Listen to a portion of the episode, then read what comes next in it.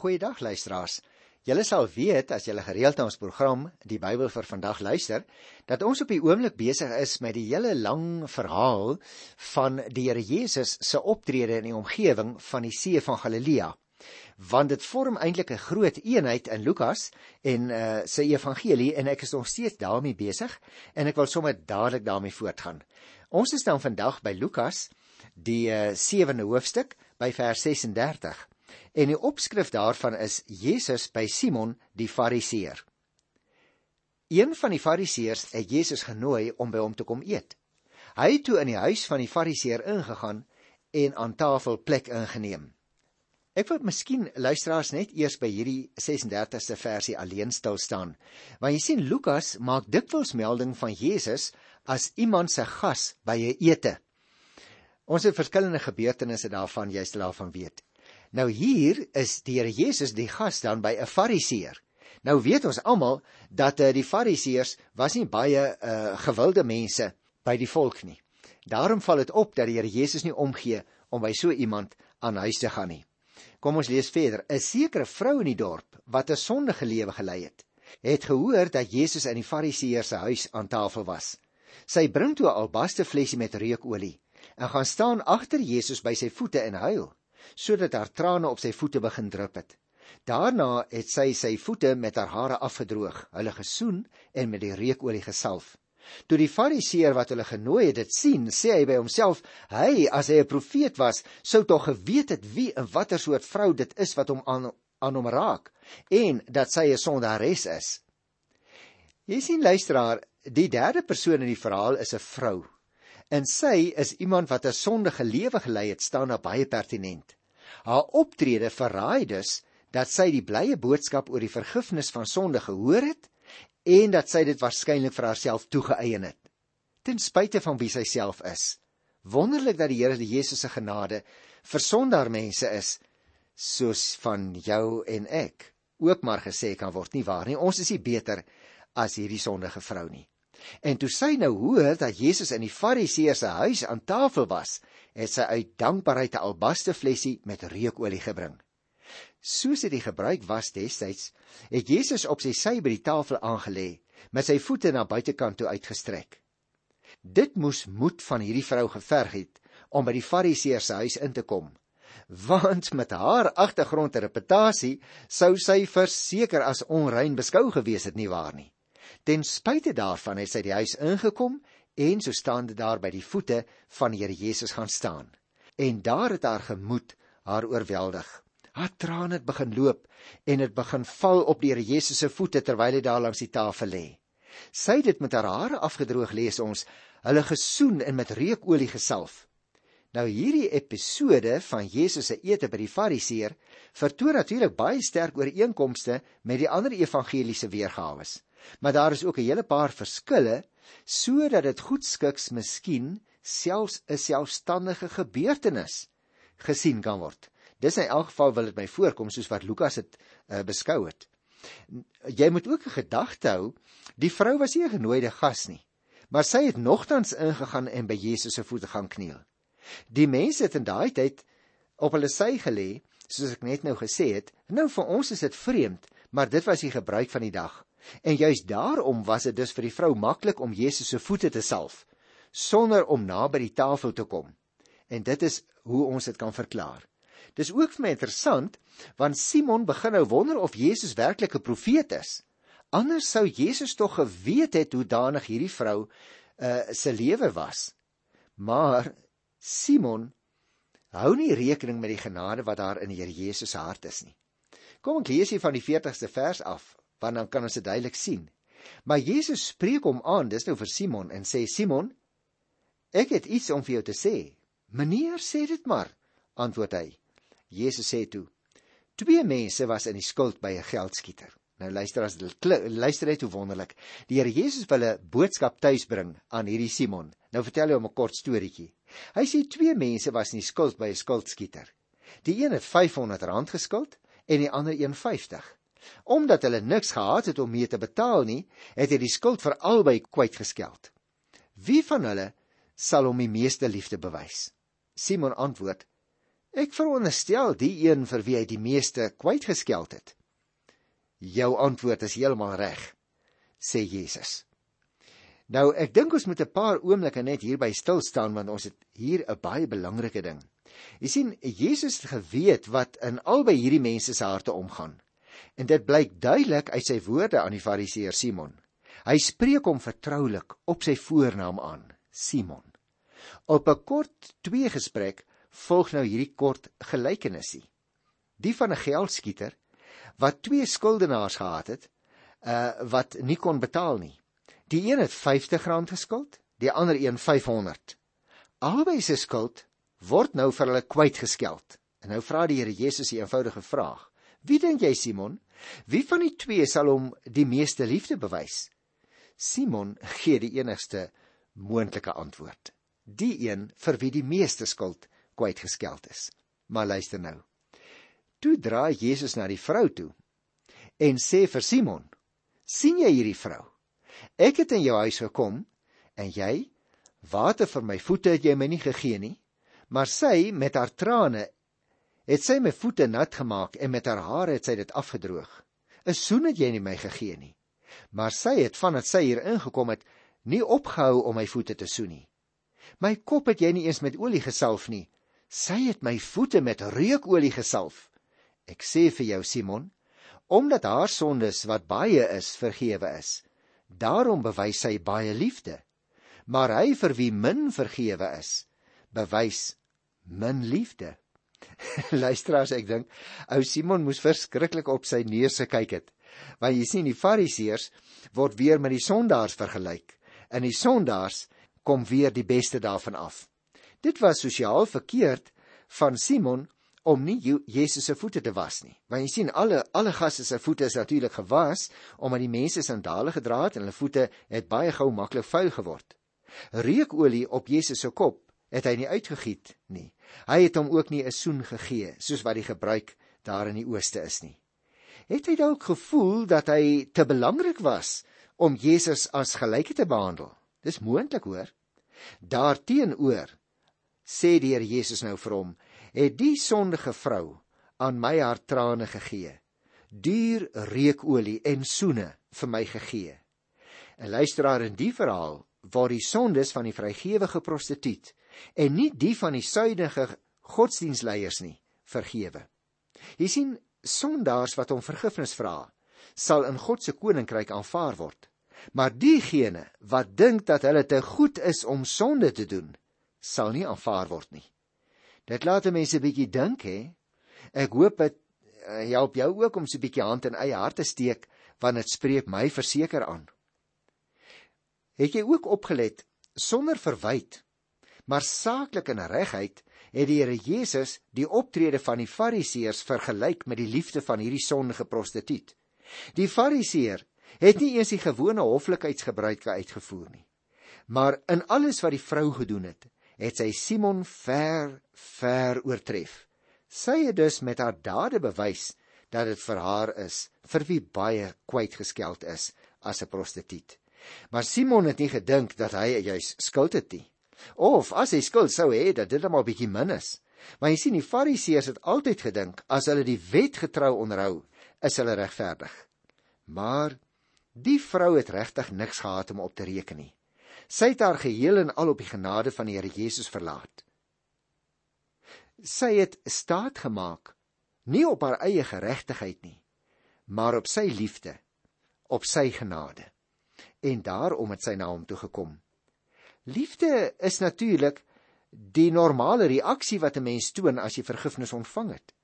God se volkomme vergifnis kan egter net begryp word deur mense wat weet wat die ontsettende omvang van hulle sonde is.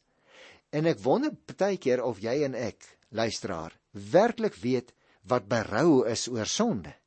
Die Fariseërs het dit nie gehad nie. Simon het gedink, "Ag, hy kom die wet na." Hierdie vrou het besef wat genade is want sy het groot berou gehad en Here Jesus het haar vergewe. Jesus het al sy volgelinge van die ewige dood verlos. Of hulle nou volgens die norme van die samelewing redelik goed was en of hulle baie slegte mense was. Miskien moet jy en ek ook 'n slaggie ons eie reaksie toets op God se genade. Kom ek lees die laaste 3 versies van hierdie mooi verhaal. Jesus sê toe vir haar: "Jou sondes is vergewe." Toe begin die wat saam aan tafel was onder mekaar te sê: "Wie is hierdie man dat hy self sonde vergewe?" Maar Jesus sê vir die vrou: "Jou geloof het jou gered. Gaan in vrede." O wonderlik. Die Here Jesus verseker hierdie vrou in almal se teenwoordigheid dat haar sondes vergewe is. Die mense aan tafel kan vergryp dat die Bybel sê hulle was verbaas. Wie is Jesus nou dat hy sondes kan vergewe? Jesus se volgende woorde met betrekking op die vraag voer die verhaal tot 'n klimaks. As hy die vrou verseker, hy steur hom nie eers aan wat hulle sê nie. Hy verseker die vrou dat haar geloof in hom haar gered het. Nie net van haar sonde vergewe het nie, maar haar gered het. Dis 'n geweldige ding luisteraars. En met so 'n versekering kan sy nou in vrede huis toe gaan. Getrou aan Lukas se eie persoonlike styl, stel hy twee persone teenoor mekaar en toon hoe die een die ander ver oortref. Hier ook die prostituut wat die fariseer Simon ver oortref. Die Fariseërs het naamlik geglo dat God die enigste is wat sondes kan vergewe. En daarom was hulle so verbaas dat Jesus vir die vrou gesê het dat haar sondes vergewe is. Hierdie sondevergifnis luisteraars wat Jesus uitspreek, beklemtoon wie hy werklik is en waar sy mag vandaan kom. En dit bring ons dan nou by die 8ste hoofstuk. Nou Lukas 8 uh het ook 'n baie interessante agtergrond, maar miskien moet ek die agtergrond beskryf soos wat ons vorder deur die verhaal. Kom ons begin dadelik met die opskrif hier by die 8ste hoofstuk wat sê vroue wat vir Jesus gesorg het. In die tyd wat nou gevolg het, staan daar, het Jesus die land deur kruis van die een stad na die ander dorp. Oral het hy gepreek en die evangelie van die koninkryk van God verkondig. Die 12 was saam met hom en daarby 'n aantal vroue wat van die bose geeste en siektes genees was. Daar was Maria, bekend as Magdalena, uit wie sewe bose geeste uitgegaan het. En dan was Johanna, die vrou van Gisa, 'n hoë amptenaar van Herodes, en daar was Susanna en baie ander. Hierdie vroue het uit eie middele vir Jesus en die 12 versorg. Luisteraars, jy lees seker ook net so baie Bybel as ek, maar weet dis eers onlangs dat ek hierdie sinnetjie raak gelees het dat die vroue uit hulle eie middele vir die Here Jesus gesorg het. Nou goed, hierdie paar inleidende versies sê dat Jesus die land deur kruis en die evangelie verkondig het. Hy word versel van die 12 en 'n aantal vroue wat vir hom en sy disippels uit hulle eie sak versorg het. Dis interessant luisteraars, net Lukas vertel dat vroue in Jesus se diens opgeneem was. Een van hulle motiewe was dankbaarheid, want hulle is van bose geeste en siektes genees. Nou in die Joodse samelewing van destyds was vroue nie in hoë aansien nie. En Lukas maak telkens 'n punt daarvan juis om daarop te wys dat Jesus besondere aandag aan die vrouens geskenk het. Hier word hulle by name genoem. Daar was Maria, bekend as Magdalena, waarskynlik afgelei van die plek waarvandaan sy gekom het, naamlik Magdala. Die tradisie het haar verbind met die vrou van wie ons ook lees uh, in Hosea 7:37 uh, wat ons nou net vroeër die program behandel het wat 'n sondige lewe gelei het. Daar's egter geen bewys dat sy daardie vrou was nie. Dis maar net spekulasie. Dan was daar, soos in ons teksgedeelte, Johanna, die vrou van Gisa, 'n hoë amptenaar van Herodes, Nou ons praat natuurlik van Herodes Antipas. Maria Magdalena en Johannes, ek herhaal, Maria Magdalena en Johanna was ook getuies van die Here Jesus se opstanding. Ons gaan dit nog kry in die 24ste hoofstuk. Van Susanna wat hier ook genoem word, weet ons eintlik niks meer nie. En saam met hulle staan daar was daar ook nog 'n aantal vroue. Nou kom ons lees verder hier van die 4de vers af en die opskrif daarvan is die gelykenis van die saaier. Ek gaan tog hierby 'n bietjie stil staan luisteraars, juis omdat ek die gelykenis van die saaier toe ons uh, die evangelie van Matteus gedoen het, so 'n bietjie afgeskeep het. Kom ons begin by die 4de vers. Uit die verskillende dorpe het aanhoudend mense na Jesus toe gestroom en toe 'n groot menigte saamgekom het, het hy vir hulle 'n gelykenis vertel. Nou uh, hierdie volgende klompie verse tot by vers 15 wentel dan rondom die bekende gelykenis van die saaier of liewer eintlik moet 'n mens praat die gelykenis van die saad waarin Jesus ook verduidelik waarom hy van gelykenisse gebruik maak. Die Here Jesus se gelykenisse luisteraars is nie bloot hulpmiddels om gesaghebende skrifwoorde uit te lê soos by die rabbies nie. Maar dit is self deur en deur 'n stuk verkondiging. Jesus se gelykenisse is verhale waardeur hy aan die mense in 'n alledaagse storie vertel wie God is en natuurlik wat God ook vir mense beteken en wat hy van mense verlang. 'n Gelykenis wil eintlik die leser intrek in die verhaal en so daaraan laat deel hê dat hy self of sy self wat lees ook tot 'n finale beslissing kan kom in hulle geestelike lewe. Nou goed, kom ons begin dan hier by vers 5 tot 8 met die gelykenis. 'n Saaier het uitgegaan om saad te saai. Met die saai het 'n deel op die pad geval en dit is vertrap en die voëls het dit opgepik.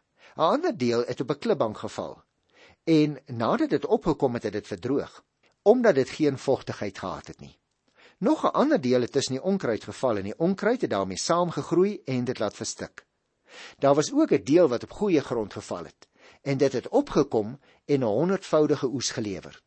Toe Jesus dit gesê het, roep hy uit: Wie ore het en kan hoor, moet luister. Nou luisteraars, hierdie verhaal handel nie oor 'n onverantwoordelike boer wat toegelaat het dat sy saad sommer op enige plek val nie. Nee. Nee, hierdie boer of saaier as jy wil, het gesaai soos almal met groot landerye in daardie tyd gesaai het, naamlik deur hande vol saad in die land te loop en rondstrooi. Die doel daarmee was natuurlik om te sorg dat soveel saad as moontlik in vrugbare grond beland. Maar dit was onvermydelik dat sommige saadjies op onvrugbare plekke sou beland of selfs deur die wind na die onkruid en die klippe of op selfs op die pad gewaai sou word. Die opbrengs het afgehang van die grond waarin die saad val. Soos ons ook daarvoor verantwoordelik om die saad, dit is nou God se woord, te saai. En ons moet nie moedeloos raak as ons pogings nie altyd vrugte dra nie. Onthou dat nie alle saadjies op vrugbare grond val nie en daaraan kan jy en ek natuurlik niks doen nie. Nou is hier 'n klein afdelingkie wat handel oor die doel van die gelykenisse in Lukas 8 vers 9 en 10.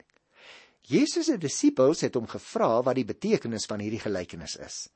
Hy het geantwoord: "Aan julle is dit gegee om die geheime van die koninkryk van God te ken. Maar vir ander bly dit by gelykenisse, sodat hulle kyk sonder om te sien en hoor sonder om te verstaan." Nou die vraag is natuurlik luisteraar, hoekom het die skares mense nie Jesus se woorde verstaan nie? Dalk was hulle op soek na 'n militêre of 'n politieke leier. Dalk het hulle sy woorde nie laat inpas by hulle eie verwagtinge nie. Hulle was moontlik ook bang vir vervolging deur die geestelike leiers en daarom wou hulle nie te diep in Jesus se woorde indelf nie.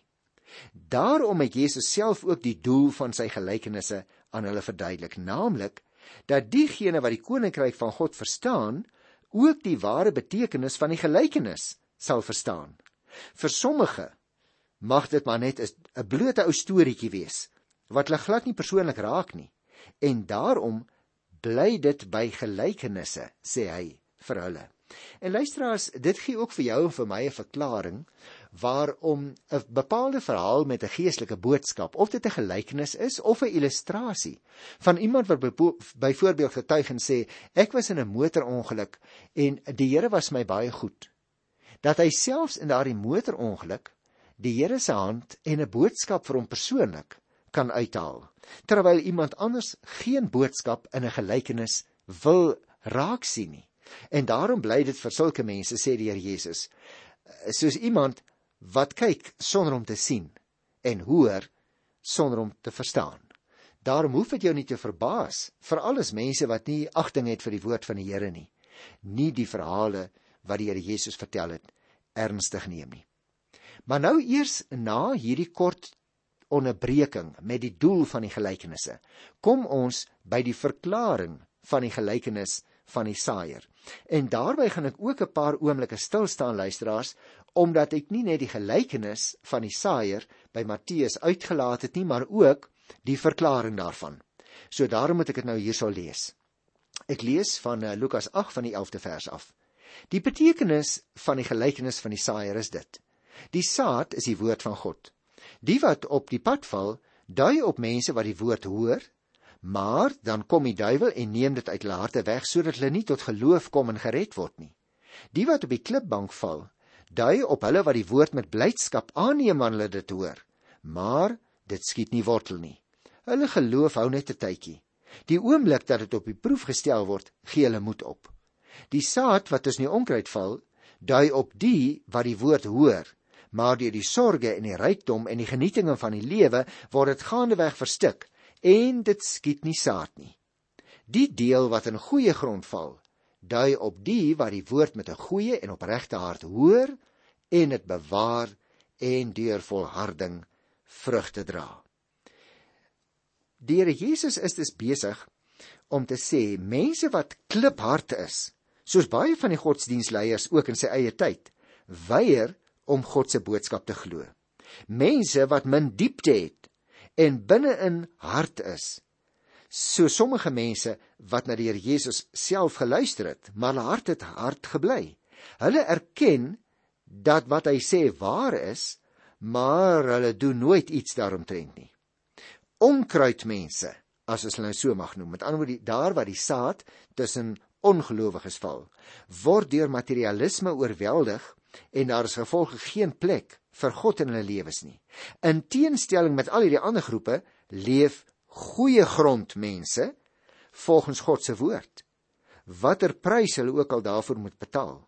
En daarom wil ek vir jou vra luisteraar, watter soort grond is jy? Want jy sien 'n mens kan ook jou hart verhard. Of 'n mens kan net die boodskap hoor, maar jou nie regtig daaraan steur nie.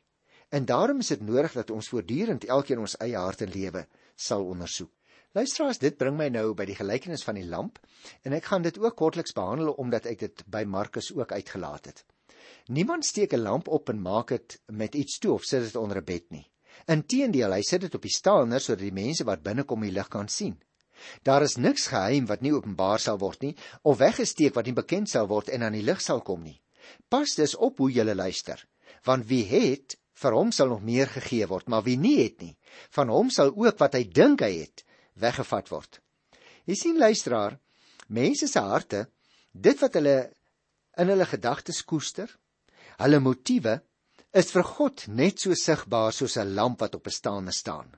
Ons kan God nooit bedrieg nie hoe hard ons ook al sou probeer om ons negatiewe gesindhede of ons woorde of ons dade weg te steek as dit nie reg is nie.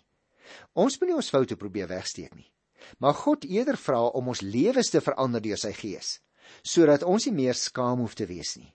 Bely jou verborgde sondes, broer en suster, en vra God om vergifnis. Dit is die heel enigste manier waarop jy en ek hulp sal kan kry om ons lewens in orde te kry. Hierdie beginsel wat die Here Jesus hier neerlê van groei geld vir die liggaam en die verstand en die gees van die mens. Jy sien, 'n spier wat geoefen word, word byvoorbeeld al hoe sterker, terwyl die ongeoefende spier net swak en pap word. As jy nie besig is om te groei nie, is jy besig om al hoe swakker te word geestelik, hoor? Want dit is onmoontlik om vir 'n lang ruk geestelik net stil te staan, jy gaan eerder agteruit. Ek wil jou 'n vraag vra. Wat doen jy met die dinge wat God vir jou gegee het? Kom ons kyk hier na die moeder en die broers van die Here Jesus. Nou ons het dit behandel eh, toe ons die evangelie volgens Matteus bespreek het. En daarom wil ek in plaas van hierdie twee versies te lees, wil ek miskien net vir jou die agtergrond daarvan sê. Want jy sien, mense dink soms dat Maria net een kind gehad het, naamlik Jesus. En dit is natuurlik nie so nie. Die Here Jesus het ook nog broers en ten minste twee susters gehad. Miskien moet ek dit net so sê dan kan jy dit maklik onthou. 4 J's en 1 S. Dit was die seuns van Josef Maria. Hulle name was Jesus, Jakobus, Josef en Judas. Dis nie Judas wat hom verraai het nie en die S staan vir Simon. Ek herhaal dit net. Die kinders van Josef Maria was Jesus, Jakobus, Josef, Judas en Simon. En hulle het ten minste twee dogters gehad want die Bybel praat van sy susters in die meervoud. Hoeveel dogters daar was, weet ons nou nie. Nou gelukkig broer en suster, op grond van wat die Here Jesus vir ons gedoen het, mag jy en ek ook broers en susters van Jesus genoem word. Ek groet jou tot volgende keer in sy wonderlike wonderlike naam. Tot dan. Totsiens.